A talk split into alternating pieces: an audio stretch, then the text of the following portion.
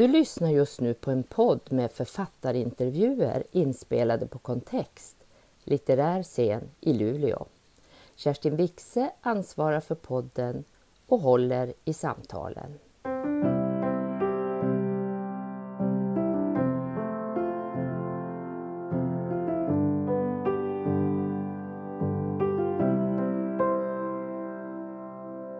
Välkommen till eh, Kontext, Sara. Tack så mycket. Det är så otroligt roligt att du är här. Och det är inte bara jag som tycker. Jag ser att ni är jättemånga. Det var nära att du och jag träffades för ungefär ett år sedan. Det var meningen att du skulle komma hit och prata om din pjäs på Norrbottensteatern. Mm. Dissekering av ett snöfall. Men det kom lite emellan. Ja. Kan man säga. Ja, jag minns faktiskt inte att jag var på väg hit. Det var Svenska Akademin och det var en massa, ja. Massa besvärliga saker. Ja. Jag tänkte vi tar det där med akademin redan från början för annars kommer ni att sitta och bara undra så där hela tiden. Ska, de, ska hon aldrig prata om det? Mm. Men du lämnade alltså 27 april förra året mm. och sen kort därefter så beviljades ditt uh, utträde som det heter. Mm. Vad var det som var avgörande för dig att du tog det beslutet så snabbt att du ville lämna helt? Eh, åh, det skulle ta flera dagar för mig att sitta här och redogöra för det. Jag tror inte ens att jag är färdig med det svaret själv.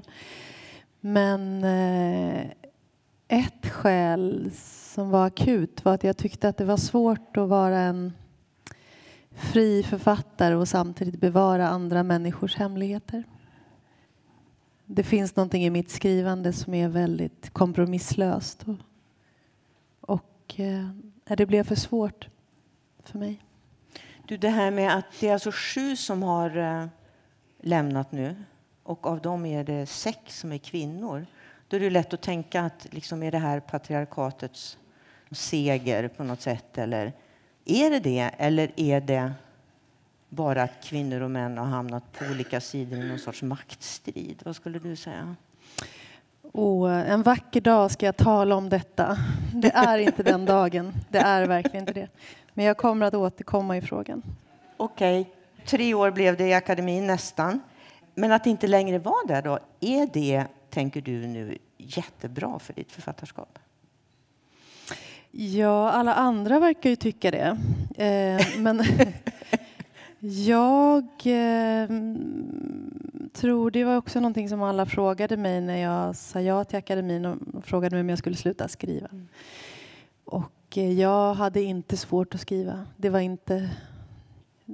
Det har nog funnits större utmaningar i världen än Svenska akademin för ett skrivande att eh, överskrida. Så att, eh, nej, jag skrev mig igenom den tiden och jag skriver nu det där som jag sa nyss med konflikten mellan att vara en fri författare hade att göra tror jag att hemligheterna under den här tiden var så extrema.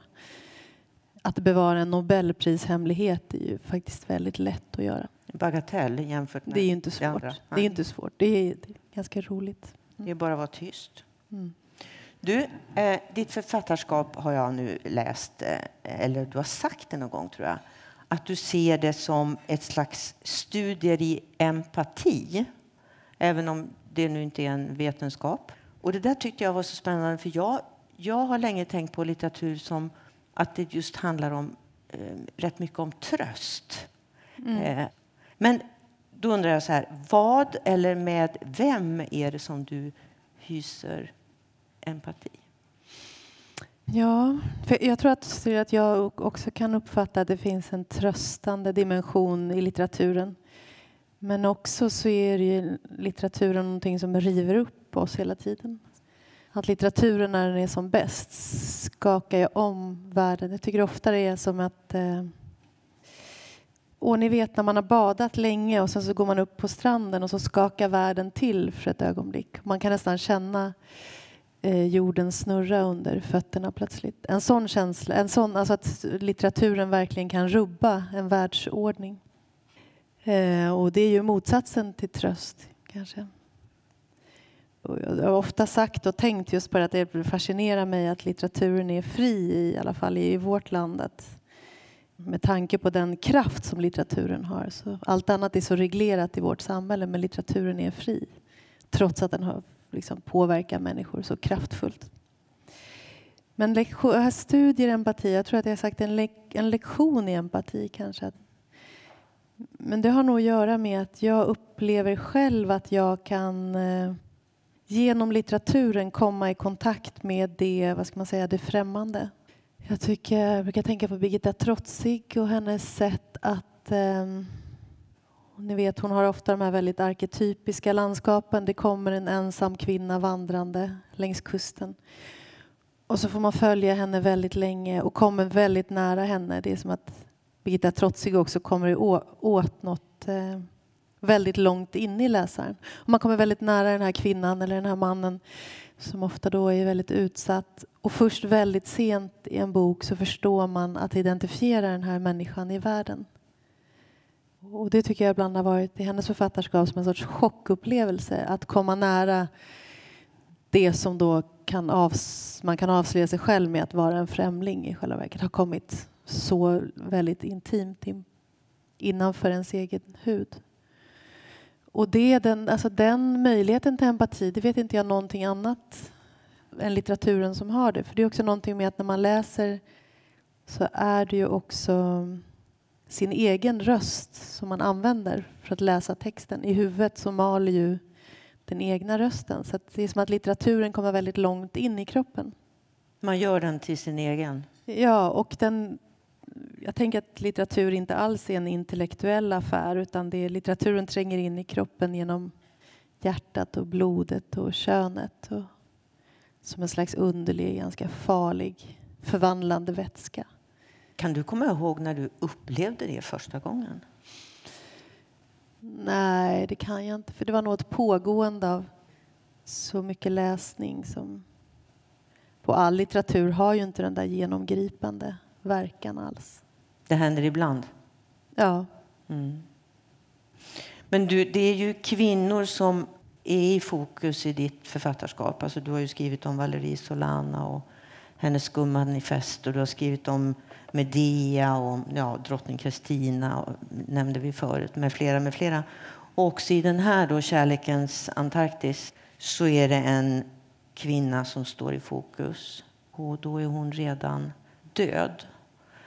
Och eh, nu har det skrivits mycket om den här boken och sagt att, att du är inspirerad av eh, det här bestialiska styckmordet på, på eh, Katrin da Costa. Nu måste jag se årtalet, 84. Hon kom härifrån stan, tror jag. Mm. Men, Men det, det, är ju inte en dokumentärroman. Ska, vi, ska du säga någonting om det?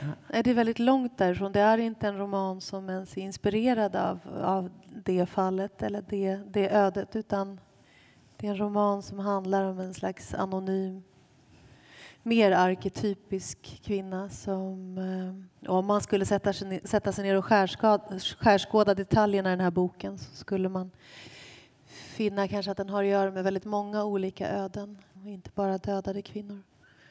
Däremot så är ju mordet på Katrin da Costa ett slags nationellt trauma i vårt land. Att skriva om den, liksom den absoluta grymheten kommer att röra vid detta nationella trauma, hur man än gör. Men, men boken är en bit därifrån. Jag fick också frågor om Kim Wall som dog under tiden jag skrev. Och mm. Eh, det är samma sak där, att det finns boken har inte med det fallet att göra. Och när romanen börjar så är ju mordet redan utfört. Mm. Och eh, det är Kristina, eller Inni som hon också kallas i boken, som, som alltså berättar. Och det är närmast outhärdligt att läsa. Ju. Vad, vad är det du vill komma åt i den här grymma detaljrikedomen som går igenom hela boken? För det återkommer ju, mordet återkommer som ett, mm. som ett, eh, som ett grekiskt körverk närmast liksom, genom texten. Mm. Vad vill du komma åt med det här? Um, jag tror att jag ville att um, varken jag som skrev eller läsaren skulle komma undan. Att det skulle inte finnas något Eh, när döden skildras i, i, i, den där sortens brutala död skildras i skönlitteraturen eller i på tv eller film så är dö döden någonting väldigt snabbt övergående som man sen kan lösa i något slags spännande mystiskt pussel och så. jag ville nog att det här skulle vara en död som inte gick att komma ifrån. Och det är samtidigt en tanke som är kanske en efterhandskonstruktion. För att jag tror att egentligen när jag skrev så jag hade en uppmaning i mig som var som en puls som var helt obönhörlig som slog och slog. Och eh, det första jag skrev var en samling texter som var väldigt Ja, det var just som en uppmaning. Se på mig när jag är död, se på min döda kropp i skogen. Eh, se på min kropp i stycken, se på mina barn när jag inte är här längre. Se på min bh, den hänger i ett träd ovanför. Se på mig när jag är död, se på mig, se på mig. Så egentligen följde jag bara den rösten som ett sånt imperativ, att inte se bort, att följa med hela vägen. Och jag trodde länge att romanen skulle utspela sig bara i detta enda ögonblick. Det är också väldigt svårt att skriva en roman som utspelar sig i ett enda ögonblick. Och jag har ofta löst upp kronologin och tiden. Mina romaner utspelar sig ofta i en slags evighetstid där allting redan har hänt och där allting kommer att hända igen och igen och igen. På samma sätt som sorgen eller döden fungerar. Den, den tar inte slut. Men sen så visade det sig att det var också en roman som handlar om världen efter henne. En dag när jag satt och skrev så, så såg jag en flicka som hette Solveig, som är hennes dotter, som låg i knät på en fostermamma i Jönköping eh, vid Vättern och tittade på tv.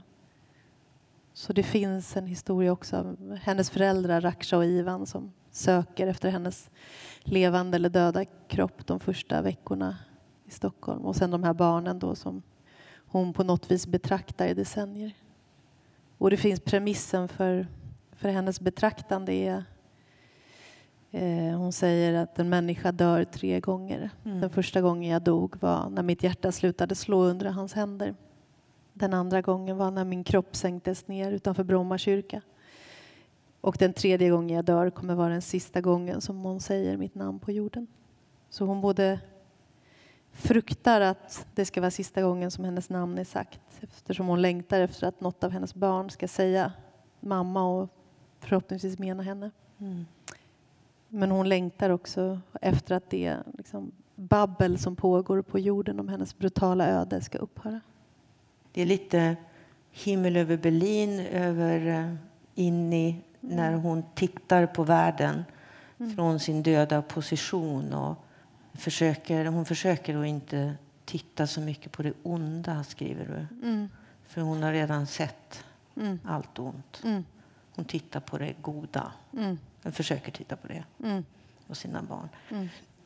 Men den här inlevelseakten, tänker jag, som du beskriver som att du inte heller vill komma undan. Du vill inte att vi ska komma undan. Och du kommer ju inte heller undan. Hur går den skrivarprocessen till? Hur står du ut? Men jag tycker det alltid det finns, i början så finns det ett slags motstånd hos mig. Kanske en ovilja. Men det är som att den där pulsen som slår i mig är mycket starkare. En slags ja, en ganska aggressiv puls, tänker jag. En, ganska, en slags skenande som kräver att jag... Att du ska? Ja. Men sen tror jag att jag kommer över en gräns när jag inte är rädd längre. När jag, följer. jag har tänkt många gånger om den här boken att det är som att följa med det här skogsrået in i skogen. Och så när man har kommit så långt in så att man inte längre vet var man kommer ifrån och hur man ska hitta ut. Då vänder hon sig om och blottar det här, den här ryggen som bara är ett öppet sår.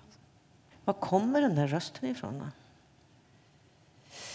Ja, jag vet inte, jag hör ju den inom mig. Men jag tror ju inte att det är min röst bara. Det låter ju otroligt flummigt. Ger man sig in i det här så... Jag tror att vi har väldigt många röster inom oss hela tiden. Som ett sorts babbel där också. Och jag tycker ju längre jag skriver desto bättre blir jag på att lyssna på andra röster än min egen. Och jag tycker jag har lärt mig det från dramatiken på något vis, att bara lyssna så så är det någonting som hörs. För att det är inte så att du så där rationellt kan säga det var när det här hände som jag tänkte att jag skulle skriva om en sån här kvinna. Det är inte alls så det går till. Nej, det gör inte riktigt det. Det är mer någonting som händer. Men sen minns jag att jag ville skriva för många år sedan jag kom på det när jag, liksom i höstas när boken kom ut, när jag började få frågor om den, att jag ville skriva en roman för kanske tio år sedan som skulle heta Mord i Jönköping 1980-1985. Som är kanske den sämsta romantiteln som någonsin har... Men det var något lockande med att den var så dålig den här romantiteln också, att den skulle heta Mord i Jönköping. Ja. Som hade att göra med de eh, döda kvinnorna i min barndom som var de här som alltid hade jag en känsla av då, det var kanske inte alltid, men stirrade upp ur de här passfotografierna och upp ur trycksvärtan på mig på något vis. Så. Ja, det var också en bild av hur framtiden skulle komma att se ut för en flicka i världen. Mm. Så, det, så att jag tror att den tanken, liksom, den längtan efter att, ha, att skriva den dödas röst har nog funnits med ett tag. Och nu blev det Kärlekens Antarktis. Mm. Alltså att läsa det här, eh, skildringarna av det mest brutala bestialiska är ju då framskrivet på ett språk som är också nästan det outhärdligt vackert. Annars kanske det inte skulle gå att läsa. Eller jag vet inte. Men för det blir ju, det är en sån kontrast. Du jobbar ju ofta så. Alltså du skriver om någonting som är väldigt hemskt. Mm. Och så arbetar du med det här överjordiska, poetiska språket. Och det är såklart väldigt medvetet att du gör så. Eller det är ditt språk helt enkelt. Mm. Du kan inte skriva på något Jag har inget annat språk. Nej. Det är som att titta sig i spegeln. Man hoppas på att upptäcka någon annan, men det är samma ansikte. Stirrar tillbaka. Men vi måste få höra lite av det. Ska du ta och läsa mm. starten helt enkelt? Eller heter, mm. det, heter det start på en roman? Det heter det nog inte. Nej. Det är med biltävlingar heter det. Början. Begynnelsen kanske? By, I begynnelsen. I begynnelsen. Ja, det här, så här börjar boken och första kapitlet heter Skapelse. Vi var alltså i skogen. Det var någon sorts skymning, men ingen sol. Ett brunaktigt regnljus som sjönk över landskapet. Om jag hade kunnat ringa efter någon? Nej, det hade jag inte. För även om det hade funnits någon att ringa till så hade tiden runnit ut. Nu var det bara det sjunkande undervattensljuset och de stora träden och jätteregndropparna som föll från grenarna som tårar från groteskt stora varelser. Och det var bara vi, han och jag. Och känslan av att vara ensamma kvar i världen var så stark att ingen verklighet hade kunnat ändra den. Inte bilarna vi mötte på vägen, inte de upplysta telefonkioskerna vi for förbi inte ljudet från radion där någon predikade med mjuk spinnande röst. Det lät som en mässa. Klangerna skapade små bokmärkesbilder som slog in i mig. Där var jungfru Maria med den stora farliga ängeln. Där var Maria med det lilla tjocka barnet som flög omkring vid hennes bröst på alla målningar. Vinglöst men ändå utanför jordisk gravitation. Och där var hon till slut ensam, utan sitt barn när han inte längre fanns kvar på jorden. Jag låg på marken i skogen och såg på trädens mörka rötter som långsamt trängde ner i sjöns vatten. Och allting var så stilla att även de långsammaste rörelserna blev synliga. Trädkronorna som rördes i slow motion där uppe. Insekterna som krälade på undersidan av varje blomma och vattendropparna som släppte från trädens grenar och brast och slungades i ultrarapid mot marken. Vattenspeglepärlor i miniatyr som for genom luften i en oändligt långsam rörelse. Och det var kallt nu. Urin och blod och avföring rann längs mina ben. Jag tänkte att träden hängde mellan människan och Gud. Att de sträckte sina kronor upp i himlen och att rötterna grep som drakklor ner i jorden där de döda bodde där jag också skulle befinna mig snart. Mm. Jag kan inte släppa det här riktigt med det här vackra språket, Sara. Mm. Kan det fungera så att det på något sätt kan som hålla grymheten ändå på plats? Liksom? Att du, du, du kan skildra den för att du använder det här språket? Jag vet inte riktigt, men ibland tror jag att det där Dels tror jag att man blandar ihop skönheten med klarhet kanske. Mm. Jag tror att ibland när jag tänker på skönhet eller att någonting är vackert så är det i själva verket så att det är alldeles glasklart. Att det är så där genomskinligt så att man ser ni vet när man ser hela vägen ner i ett hav mm. till botten. Och sen så tror jag att jag kanske ofta, jag har en känsla av när jag skriver att jag ibland zoomar ut och tittar på mänskligheten eller människorna eller världen på ett väldigt, från ett väldigt långt avstånd. Och eh, kanske är det en sorts utzoomningar. Jag tänkte på det, för det var ju det precis i den här passagen. Alltså att, att betrakta träden och eh, liksom Gud och träden som hänger mellan människan och Gud. Jag inbillar mig att det, att det är sånt snarare en skönhet som man kanske far efter. Att mycket får plats i det där ögonblicket. Att... Och en sorts storhet i, i betraktandet av existensen. Att du ser mycket samtidigt. Ja. Och i det här fallet så ser ju hon också och det är väl den absoluta grymheten att i ögonblicket när man förlorar sitt liv att se den extrema skönheten. Mm. Och möjligheten och hur det här kanske hade kunnat mm. vara. Eller så. För att romanens själva anslag finns ju redan på den här första sidorna och det är ju det handlar ju om utsatthet, övergivenhet, hopplöshet. Och till det ska väl läggas då att du skriver ju att Kristina följer med den här mannen för att hon, hon vet att han ska döda henne och att det inte spelar henne. Hon har liksom längtat efter honom, beskriver du. Väntat på att han ska dyka upp. För att hon är redan död, skriver du. Mm. Hur tänker du då? Det ena är att jag, hon betraktar ju hela tiden det här skeendet. Man kan tänka sig om och om igen så kommer vi tillbaka till det här ögonblicket i skogen. Det börjar med vi var alltså i skogen.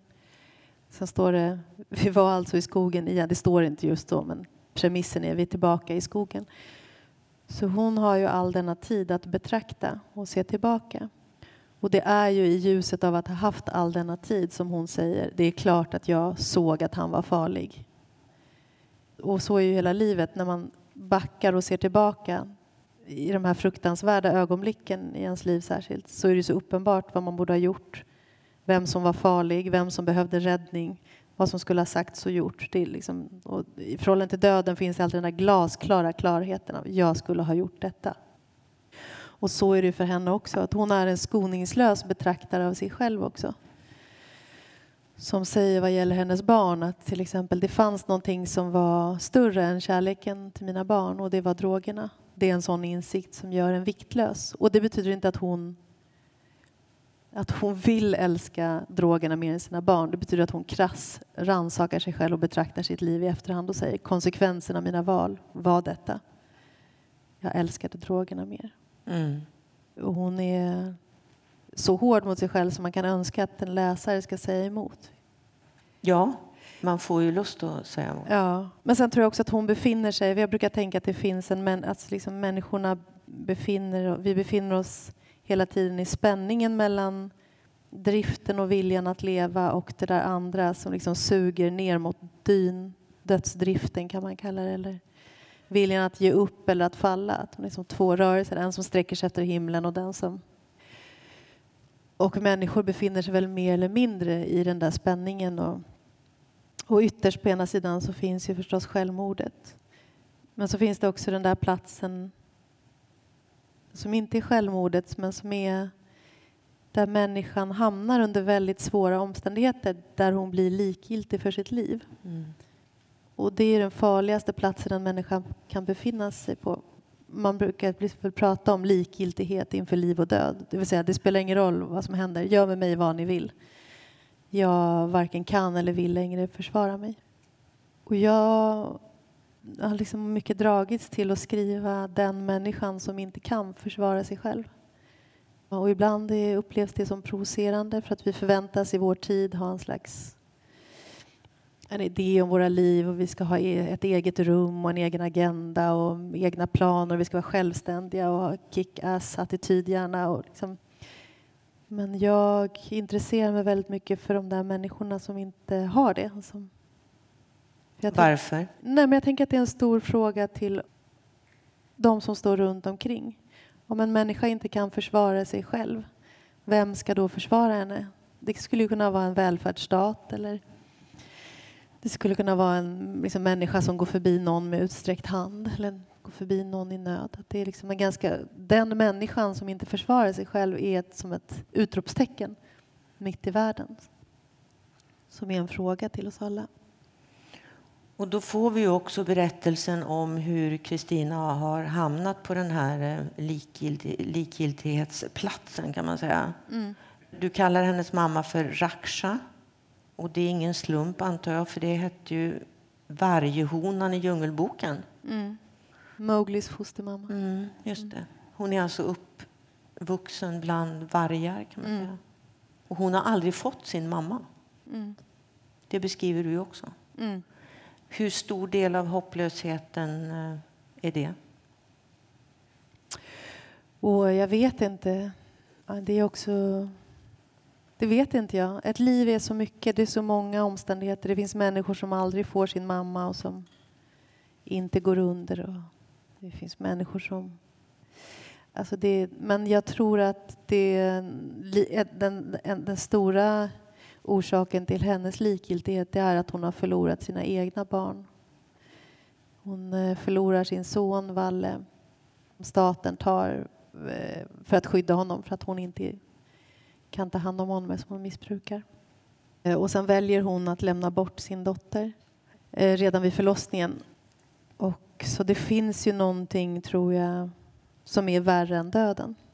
För henne är det så, hon har upplevt någonting som är värre än döden, att bli fråntagen sina barn. Det, liksom, det spelar ingen roll vad som händer sen. Mm. Döden är ingenting jämfört med den förlusten. Men hon har också, jag, för jag brukar tänka ibland att jag har skrivit mitt första lyckliga slut. Det kanske låter lite paradoxalt men, men boken börjar med att hon dör men boken slutar med att hon betraktar sin dotter Solveig som står i ljuset 30 år senare. man får inte berätta slutet men jag gör det i alla fall för att Lyssna inte. Eh, eftersom slutet redan finns i början så är det ingen idé att försöka. Och jag läser alltid slutet i böckerna själv. Men i slutet av boken så betraktar hon Solveig som står och undervisar på universitetet i Stockholm. Och hon är väldigt noga med att säga att för Solveig befinner sig hela tiden i ljuset. Det går väldigt bra för henne. Och eh, då säger hennes mamma från döden om och om igen att och vet ni vem som har gett henne detta? Det är jag. Glöm aldrig vem det är som är hennes riktiga mamma och vem som har en gång i tiden släppt taget för att hon ska få gå fri. Hon är som en slags morkurage som istället för att stå och slita barnets kropp i stycken så ger hon upp barnet. Och hon säger också det, den mamma som älskar barnet mest kan också släppa taget. Det, det blir ju i den här berättelsen så blir det ju den ultimata moderskärleken att hon faktiskt också mot sin mans vilja då mm. Eh, ger upp sitt barn för att hon vet att det kommer att bli bättre mm. för henne. Och det är ju också underbart att få Solveig-historien, tänker jag, i den här mycket, mycket grymma berättelsen. Så kommer Solveig in som ett solsken där i en mörk glänta ändå. Man andas ut lite när man får läsa om Solveig. Det gör det lättare att läsa det andra också. Mm. Men du, det fanns ju också det fanns ju kärlek i hennes barndom. Hon hyste ju en stor kärlek till sin lillebror. Mm. Men han dog ju också. Och det var väl det största traumat. Och det, det har att göra med titeln här, Kärlekens mm. Antarktis. Kan du berätta eh, hur den titeln... Mm. Ja, för jag tror att hennes mamma är liksom...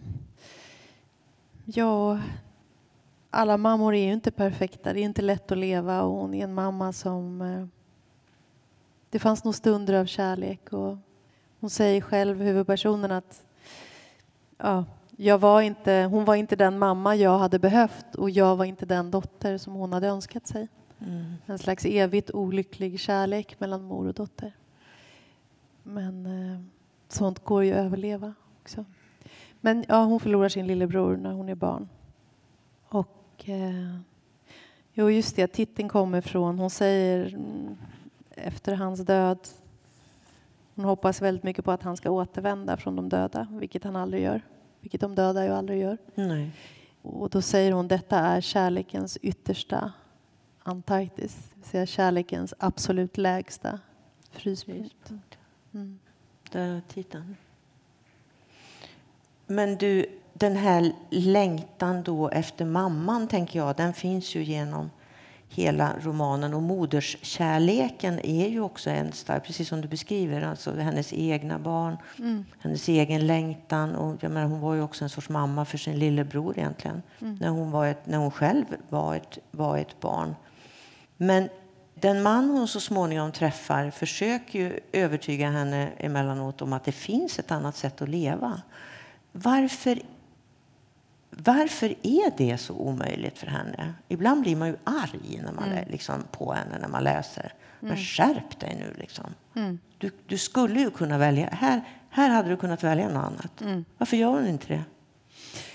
Jag vet inte. Varför väljer människor inte något annat alla gånger? Om jag visste svaret på det, då skulle jag ju antagligen vara statsminister och eh, över psykolog, läkare, alltså chef, chef över alla sjukhus. För det är en evig fråga för människan. Varför går vissa av oss under? Och varför tycks det vara så ohjälpligt? Och varför kan vi inte rädda varandra? Det... Men du har ju en förklaring i romanen och det är ju heroinet. Mm. Alltså där, och heroin har du skrivit om förut, heroinmissbruk. Eh, Vad är det? Har du inte skrivit om det i Valerie Solana skummanfest? Jo, var det väl en del heroin där? Jo, kanske. Mm. Tror jag. Mm. Du gör ju en otroligt bra beskrivning tycker jag av, um, av hur heroin är starkare än allting annat. Mm. Du beskriver hennes första sil när hon lämnar det normala. Mm. Så går hon över en sorts gräns. Och när man har passerat den gränsen, skriver du, så kan man aldrig någonsin återvända. Mm. Inte ens om det handlar om att rädda sina barn. Mm. Så det är väl en förklaringsmodell. Mm. Frågan är ju liksom missbrukets funktion i världen eller heroinets eller alkoholens funktion. Att det handlar inte bara om att sluta dricka eller att sluta droga. Det handlar ju om att det ska finnas en värld att leva i. Jag tror att jag tror på ett vis att hon och många med henne, det kan finnas en särskild sorts kraft hos människor, i alla fall människor som finns och har funnits i min närhet, som kanske just har gått under. Eh, och eh, jag tycker mig ha kunnat se att det finns en alldeles särskild kraft som är vild, liksom, som är för stor för denna världen och att det inte finns en plats, det finns ingenstans att kanalisera den där kraften och att då blir det farligt. Så, så tänker jag att det kanske är med henne. Det finns en liksom... Vissa människor går inte att böja, vissa människor går inte att... De tycks inte finna någon plats i den gråa verkligheten. Det är som en saknad efter Gud eller efter mening eller efter tröst som bara drogen tycks kunna fylla. Om du har identifierat den platsen på olika sätt, mm. kan, alltså kan, du, kan du känna en längtan dit?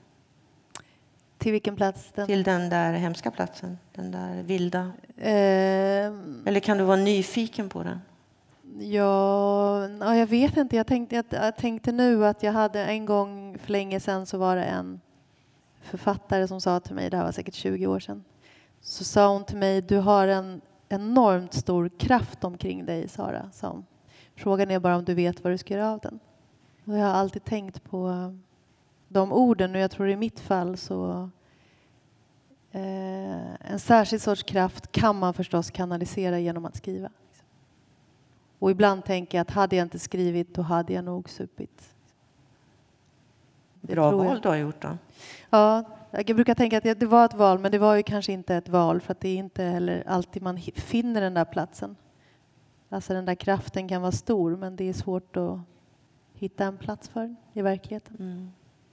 Men det har ju samma, alltså skrivandet har ju samma slags flykttendenser som missbruket, samma sorts kanske svårigheter att vara i verkligheten alla gånger. Och, men det är ett socialt, mer socialt accepterat än supande. Definitivt. Det luktar inte lika illa. Definitivt. Mycket mer socialt accepterat. Mm. Men du, den här Berlin, Himmel över Berlin, eh, som jag kallar det, när hon ser på sitt liv då. Mm. Då lider hon ju också. Då ser hon ju sin son och hur illa det går för honom. Och mm. Varför måste hon göra allt det där då? ska man reflektera Ja, det måste ju vara en hemsk författare som har skrivit den Ja. boken. Ja, det är nästan plågsamt. Nej, men jag vet inte. Jag, eh, hon ställer väl den frågan om det här är straffet, allt detta betraktande. Mm. Vilket är då brottet? Vilket brott har jag begått? Det kommer jag aldrig få veta. Men det är väl varje mammas mardröm kanske att inte längre kunna ingripa och, och hjälpa sina barn. Det det Men vara tvungen att titta. Liksom. Det är fruktansvärt, ja. Mm. Samtidigt så har hon ganska mycket självironi. Hon kan säga att det går bättre för dem nu när jag inte längre kan ingripa. Ja, Hon är väldigt skoningslös ja. mot sig själv. Hon är väldigt krass. Mm. Men du, du, du håller ju också på en del med förlåtelsens eh, problematik eh, Mm. som vi skulle kunna prata i tre timmar om, tror jag. Det hinner vi inte. Mm. Förlåter hon sig själv? Du skriver att det är bara nu ska vi se. Du skriver att det är bara det oförlåtliga som går att förlåta. Mm. Jag är inte säker på att jag förstår vad du menar då. Man får tänka på det så länge, sen förstår man. Men jag har ju tänkt på det jättelänge. Ja, Okej. Ja, men det här är någonting som jag sk- skriver på nu och tänker på men det finns kanske ett sorts frö till det i den här boken. Ja, det gör det. Och det är Derrida, en fransk filosof, som säger att eh, det är bara det oförlåtliga som går att förlåta. Och det må ju låta som en paradox då, men han vill helt enkelt säga att vi använder ordet förlåtelse och ordet förlåt alldeles för lättvindigt. Vi blandar ofta ihop det med eh, politik, med eh, ekonomi, med ursäkten. Ni vet det där när man råkar riva sönder någons klänning och ska, oj förlåt, vad synd. Och att, eh, han menar att själva förlåtelsen det kan bara röra just de där oerhörda handlingarna. De som Mm. är i grunden helt oförlåtliga. Det är bara där frågan om förlåtelse blir intressant. Ja, Och det oförlåtliga kan man... Jag har valt att... Jag skrev en text om det här som jag publicerade nyligen.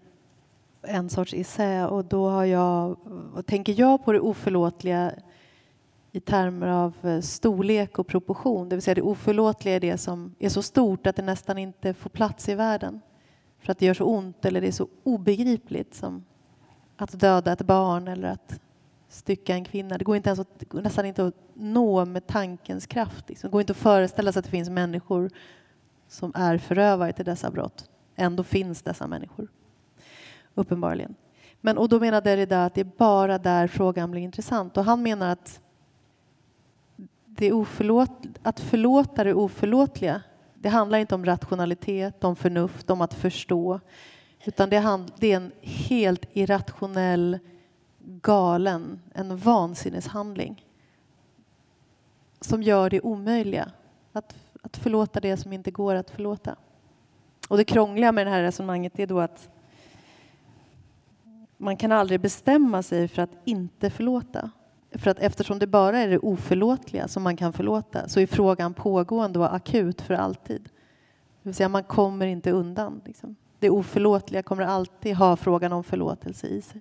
Så du menar att man, då måste man hålla på och förlåta liksom hela tiden? Nej, man behöver inte förlåta för det finns ju inget krav på det. Inget, liksom, men att frågan om förlåtelse kan aldrig upphöra. Den är, den är evig. Det är en, Ni hör ju, det är ju rätt krångligt. Mm. Alltså det går att läsa det här, för du höll ett tal på Svenska litteratursällskapet i Finland. Mm. Och så att den finns på nätet, reflektion över det oförlåtliga. den finns på Expressens kultursida. Och så finns den där också. Mm. Och på några andra ställen till finns den också. Jag tänker på Raksha, hennes mamma. Mm. Man kan ju säga att att, eh, Kristina blir mer... Hon, hon finns till på ett mycket mer påtagligt sätt när hon är död Mm. för sin mamma än när hon levde. Hur, går, hur gick det där till egentligen? Alltså jag sitter hela tiden och tänker att jag borde läsa ett avsnitt. Det känns som att vi hela tiden kommer till den punkten. Jag läser två sidor. Gör det? I vinden här hörs rösterna av alla oss som försvann mot vår vilja. Jag hör ekot av vår ensamhet. Jag hör skrik och böner och barngråt. Jag hör det otäcka ljudet när blod stänker över väggarna, när låsen vrids om i bårhusen. Jag känner tusentals händer som långsamt gräver sig in i barnens kroppar och blir kvar där för alltid.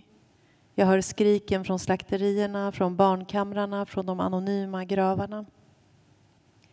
Det låter som om många hade velat stanna lite längre och fånga det återstående ljuset. Men det där med vilja är komplicerat, en illusion för det mesta. Det är så lätt att förväxla frihet med utlevelse, med intensitet, med ensamhet, med döden. Det är lika bra att ni också vänjer er vid tanken på att livet inte kommer att bli som ni vill. Att ni också kommer att sälja någonting av er själva en dag. Kanske inte er fitta, men med största säkerhet er själ i parfymdisken på Åhléns. Eller som chef på något tv-bolag eller som ordförande i något ungdomsförbund. Då tänker jag att det var bestämt sedan tidens början, eller i alla fall sedan jag for ur Rakshas sköte en natt i slutet av 50-talet, att jag skulle möta den här jägaren i skogen. Det finns också fördelar med döden. När du är död spelar det ingen roll att du inte kan betala dina räkningar och att du är en loser. När du är död tror alla att de gillade dig och de har glömt dina dåliga sidor. De längtar efter att du ska komma tillbaka, men ingen tänker på vad som skulle hända om du verkligen gjorde det. Om du till exempel bara satt där i Rakshas soffa en dag när hon kom upp ur en av sina tablettdrömmar. Hej lilla Raksha. Oj, är du här? Ja, nu är jag här igen.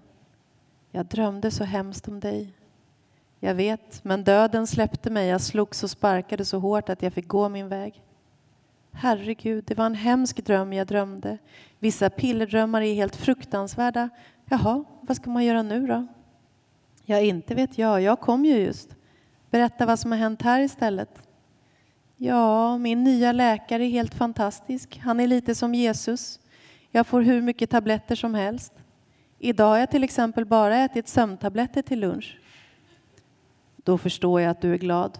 Och Ivan har väl varit här? Usch, den pissråttan. Men var du inte lite glad ändå när han var här? Jag tyckte att det verkade så. Ja, ja, så var det kanske, men nu är han borta igen och lika bra i det. Och sen skulle hon se sig omkring villrådigt och lite generat och vi skulle sitta där och allt det svåra mellan oss, allt det som döden tillfälligt suddat ut skulle vara tillbaka. Som att hon inte var den mamma som jag hade behövt och att jag inte var den dotter som hon hade önskat sig. Men vem får allt den önskar sig? Ja. Mm. Jo, men att hon blir eh, större i döden. Mm. Jo, men jag tänkte ofta på det när jag skrev att det var något paradoxalt med det, men som var kanske trösterikt för mig själv att eh, till exempel blir hon ju sina barns mamma i döden. Och det är ju jätteflummigt att tänka så. Lite. Men det är, ja, men det är som att hon genom all denna självrannsakan, allt detta betraktande, denna ömma blick på barnen och på sitt liv blir den, ja, till slut den perfekta mamman. Alltså mamman som kan se allt och se sin egen del i allting och, och som kan ja, just låta barnet få gå fri från henne själv. Mm. Hon blir stor i döden. Hon blir, alltså hon blir ja. vuxen i döden. Hon... Ja, just det. Det blir hon ju verkligen. Mm. Men det har väl också att göra med den här utzoomningen. Alltså mm. att hon eh, och heller inte längre bara är upptagen av sig själv. Nej, hon är bortom begären och hon vet ja, allt. Just det. Nu vet jag allt, skulle det kunna stå på en sida. Det gör inte det, men det skulle kunna stå. Mm, det skulle kunna göra. Alltså det är ju inte något fokus egentligen på mördaren eller jägaren som du kallar honom här. Men eh, du beskriver ju ändå honom rätt detaljerat. Vi får veta en del om honom. Mm. Han verkar leva ett normalt liv. Han har en fru, han bor i en villa, han har ett jobb mm, ja, mm. och så vidare. Men när du beskriver honom så beskriver du Alltså det, det liknar ju lite grann eh, Innis mörk, mörka plats när du beskriver honom. Att han, när han dödar, och han har gjort det förut, mm. Alltså det är som att det är någonting som tar över i honom. Mm. Du beskriver det som någon sorts demon. Mm. Och att han kanske egentligen inte alls vill vara där, men, men han kan inte göra någonting åt det. Mm. Och det känns när man läser det som att jaha, skulle, skulle jag också kunna mm. ha en sån här demon? Betyder det att du menar att det där ingår i det mänskliga helt enkelt? Eh, jo, men det gör det nog. Jag tror att vi eh, tenderar att överskatta eh, vår, eh, vårt förnuft. Att vi skulle vara rationella varelser. Att vi, jag tror att vi styrs av saker som vi inte kan erkänna. Så. Krafter? Mm. Starka krafter som strider inom varje människa. Och det behöver ju inte handla om att döda en annan människa utan det finns ju andra sätt att skada andra människor på. Och jag tror att vi är generellt omedvetna om krafterna inom oss. Om vår egen... Eh, ja, det tror jag att hon också säger i boken, att liksom den här, varje människa har såna illusioner om sig själv. Och hon är ju en helt illusionslös... Hon gör sig inga illusioner om vem hon är, snarare tvärtom de allra flesta människor jag har mött i mitt liv har ganska storslagna idéer om vilka, vilka de själva är. Och jag är en väldigt generös person och jag säger alltid som det är. Och, alltså, det finns ett sånt mantra. Alltså, ett naturligt psykologiskt försvar har ju alla människor för att inte förintas och bli en liten fläck. Liksom. Men jag tror att vi, många av de där krafterna gör att vi är ovilliga att erkänna dem, tror jag. Gör det svårare för oss att leva. Du menar om man släpper fram dem eller om man inte håller dem i schack? Kan det inte vara jag... bra krafter också? Jo, men det handlar väl om att erkänna dem då. Erkänna att ondskan finns inom oss, att den hela tiden rör sig och girigheten finns där. Den är som en, ja, den är som en sorts demon som lurar. Och, eh, men ju bättre kontakt man har, tror jag, och med det inte sagt att jag har bra kontakt med mina mörka krafter, för att jag ägnar mig åt samma själv, självbedrägerier som alla andra. Men jag tror att ju bättre kontakt man har med de där krafterna desto mer kan man hålla dem i, i schack. Liksom. och inte låta dem gå ut över andra människor. Eh, men jag tror att liksom, också när jag tänkt mycket på den här döden så är det som en känsla av liksom, att den här sortens död det är ju som att någon har liksom, gripit med en stor hand och slitit ut henne ur staden och dödat henne. Liksom. Det är oerhört primitiva krafter som ju uppenbarligen är en del av människan. Och när jag skriver så är det också som att vi må vara individer och enskilda och, men och vi är ju också ett stycke mänsklighet liksom, där vi sitter ihop. Och apropå det, de här rösterna vi pratade om i början, att skrivandet är ju också att höra väldigt många olika sorters röster som inte bara är den egna rösten. Men kan du se då på något sätt, för det finns också som ett stråk i boken att eh, det här har hela tiden varit Innis öde. Ja, det är ju hon själv som säger Ja, hon säger ju det. Mm. Men, och det är ju som de isländska myterna på något sätt. Att vi, mm, eller den kristna myten, eller men nu tar islänningarna. Mm. Att vi liksom har ett öde. Och så finns det lite modifieringsmöjlighet, men inte så himla mycket. Mm. Och hon ser det ju som att det här var hennes öde. Det var liksom rätt spikrätt. Mm. Det ditåt? Mm. Kan du, kan du betraktar du mänskligheten så? Nej, det gör jag nog inte. Hon uppfattar sig själv som ödesbestämd. Som... Men eh, eh, nej, det gör jag inte. Men jag tror inte heller på våra fria val så mycket som man kanske tror på de fria valen i de här liberala eh, demokratierna. Jag tror att vi kanske överskattar möjligheten till fria val också. Att vi är också begränsade. Liksom. Det är samma sak där som det egna ansiktet. Man hoppas på att det ska flyga ut en fjäril ur ens huvud och man ska bli en annan. Liksom. Men det är också vi är också fasthållna i liksom bojor från det förflutna. Vi är våra föräldrars barn och eh, jag tror att de allra flesta av oss sitter fast relativt mycket. Och då kan ju den där idén om att det går att förvandla sig nu har ju vi i, i det här landet, eh, liksom på grund av en eh, radikal politik, så har ju människor kunnat göra till exempel klassresor, lämna sina ursprung och så. Men jag tror också att den här, att hela tiden berätta för människor att allt är möjligt kan också skapa ett sånt enormt glapp mellan människors realiteter. Att eh, alla människor ska inte bli eh, jätterika eller jättestorslagna. Eller känna, alltså det kommer inte att hända alla människor. En, en, stor del av en befolkning ska tjäna resten av befolkningen. Så ser det ut. Liksom. Och då blir det en, kan det bli en sorts illusion det där med den där fria rörligheten. Att vi hela tiden kan lämna och bli an nya. Lever vi inte i en extrem sån kultur just nu där, där man hela tiden säger följ din inre röst och då kommer allting att bli bra. Och mm. Följ dina drömmar och så. Det kommer ju inte alls alltid att bli bra.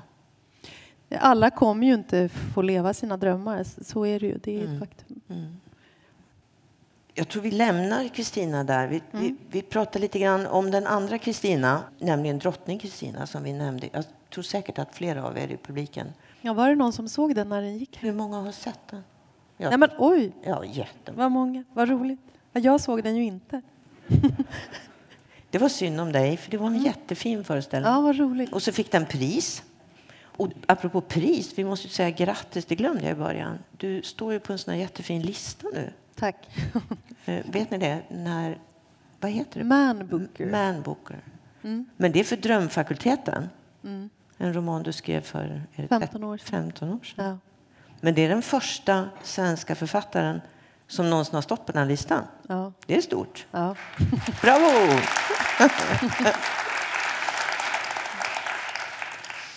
Kristina, i pjäsen då, mm. Eh, där Linda Vincent, Linda är du här? Ja, vad trevligt. Hej. Eh, spelade drottningen och mm. Anna Askarate gjorde uppsättningen. Hon är också en väldigt speciell kvinna som ju också blir övergiven av sin mamma, tänker jag. Mm. Då är hon tio. Mm. Men vänta, blir hon övergiven? Är det inte Nej, så att modern och dottern tvingas isär? Jo, de sliter henne ifrån. Eh, av, eh, nu ska vi se, rådet kallades de väl i verkligheten. Vad heter de i pjäsen? Makten. Eh, de som eh, har, den, har makten egentligen ja. när drottningen har blivit drottning vid sex års ålder. Jo, för då har kungen dött vid Lützen, ja. hennes pappa. Och Maria Eleonora anses vara någon som ska skiljas från dottern och hon ska inte få ta del av hennes uppfostran. Ja. Och då ja. säger de att hon, eh, de skyller på, de säger att hon är tokig, drottningen. Mm. Men man kan ju också tänka att hon blir tokig av att de sliter mm. hennes barn därifrån. Jo, men jag tror att hon var... Jag har läst ganska mycket om Maria Eleonora, jo det hette hon ju. Bland annat har Moa Matti skrivit en ganska sen biografi om henne där hon också försöker förklara henne, för att hon har i den svenska historien ofta beskrivits just som den här totala galningen som släpade omkring på sin makes inälvor i åratal och luktade illa för att hon släpade på hans gamla hjärta och så och skulle lägga sig i sin dotters uppfostran. I själva verket var väl hon en, en person som ville ha inflytande över dotterns uppfostran och ville leva nära dottern. Och också tror på vid den tiden så var det inte heller något extremt att leva med kvarlevorna. Det låter ju extremt i vår tid eftersom mm. vi är väldigt nervösa inför döden och har skjutit den liksom långt utanför vår gemenskap och kultur. Men förr så kunde ju den döda ligga kvar länge hemma och det fanns också en tradition av att spara på hjärtat till exempel. Det var inte bara Maria Eleonora som gjorde det.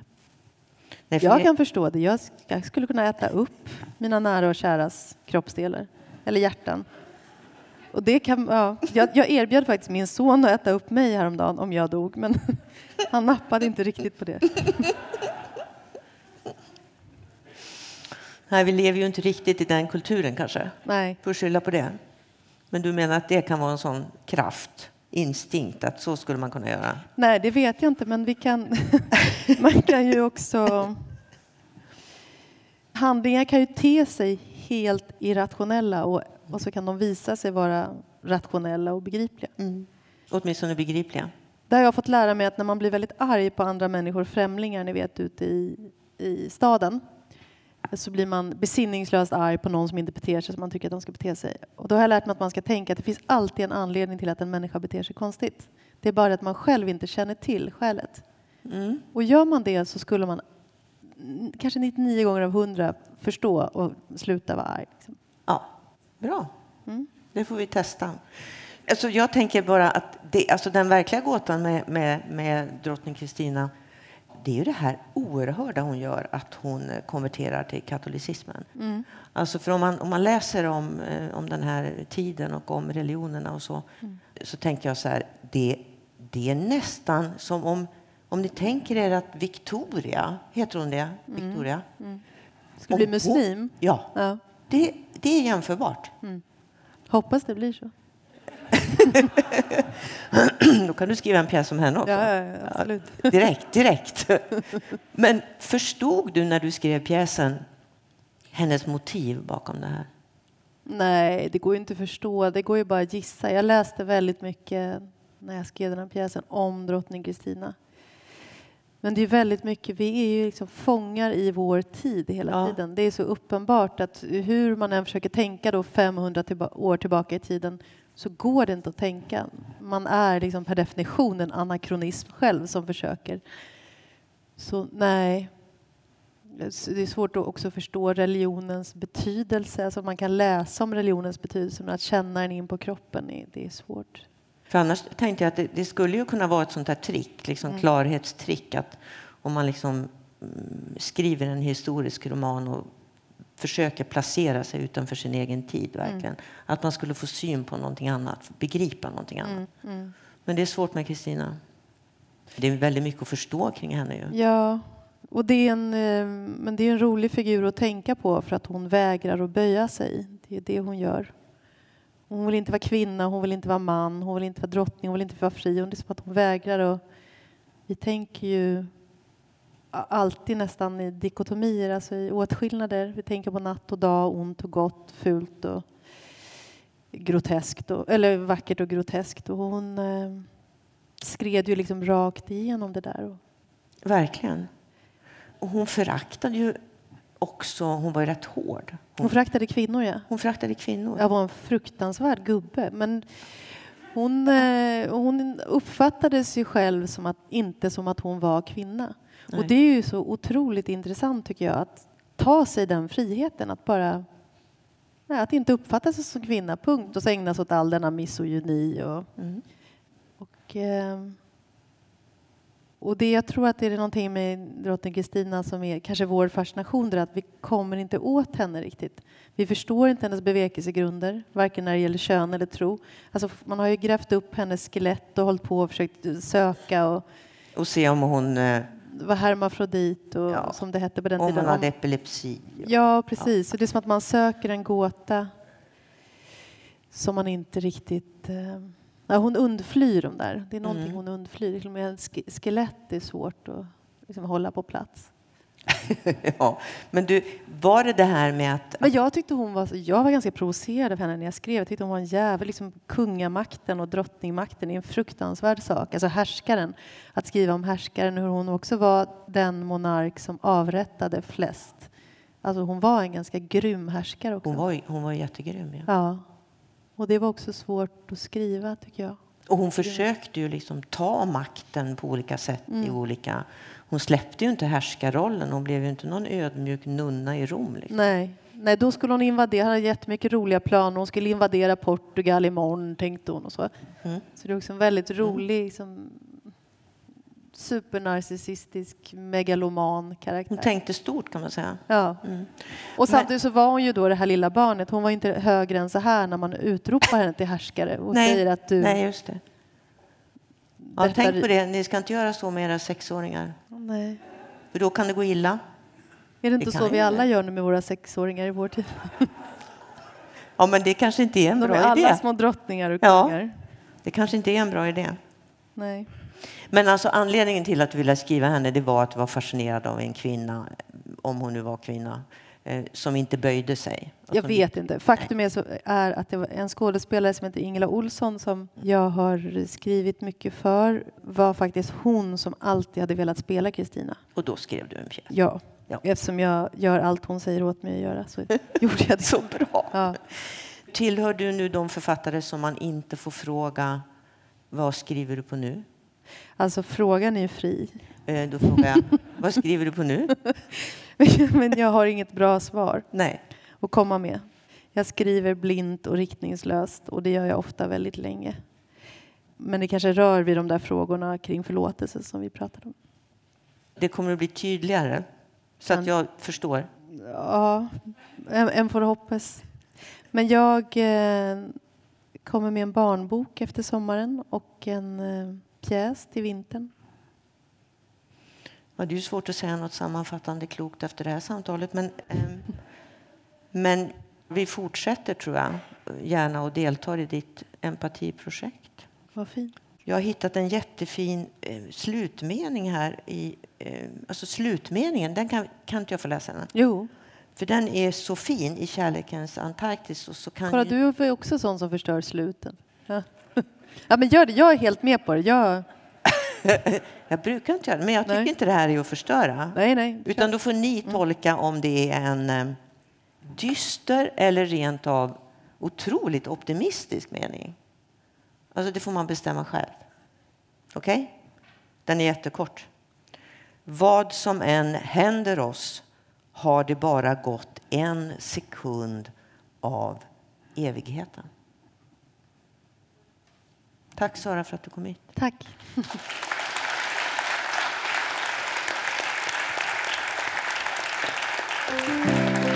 Tack så mycket. Tack.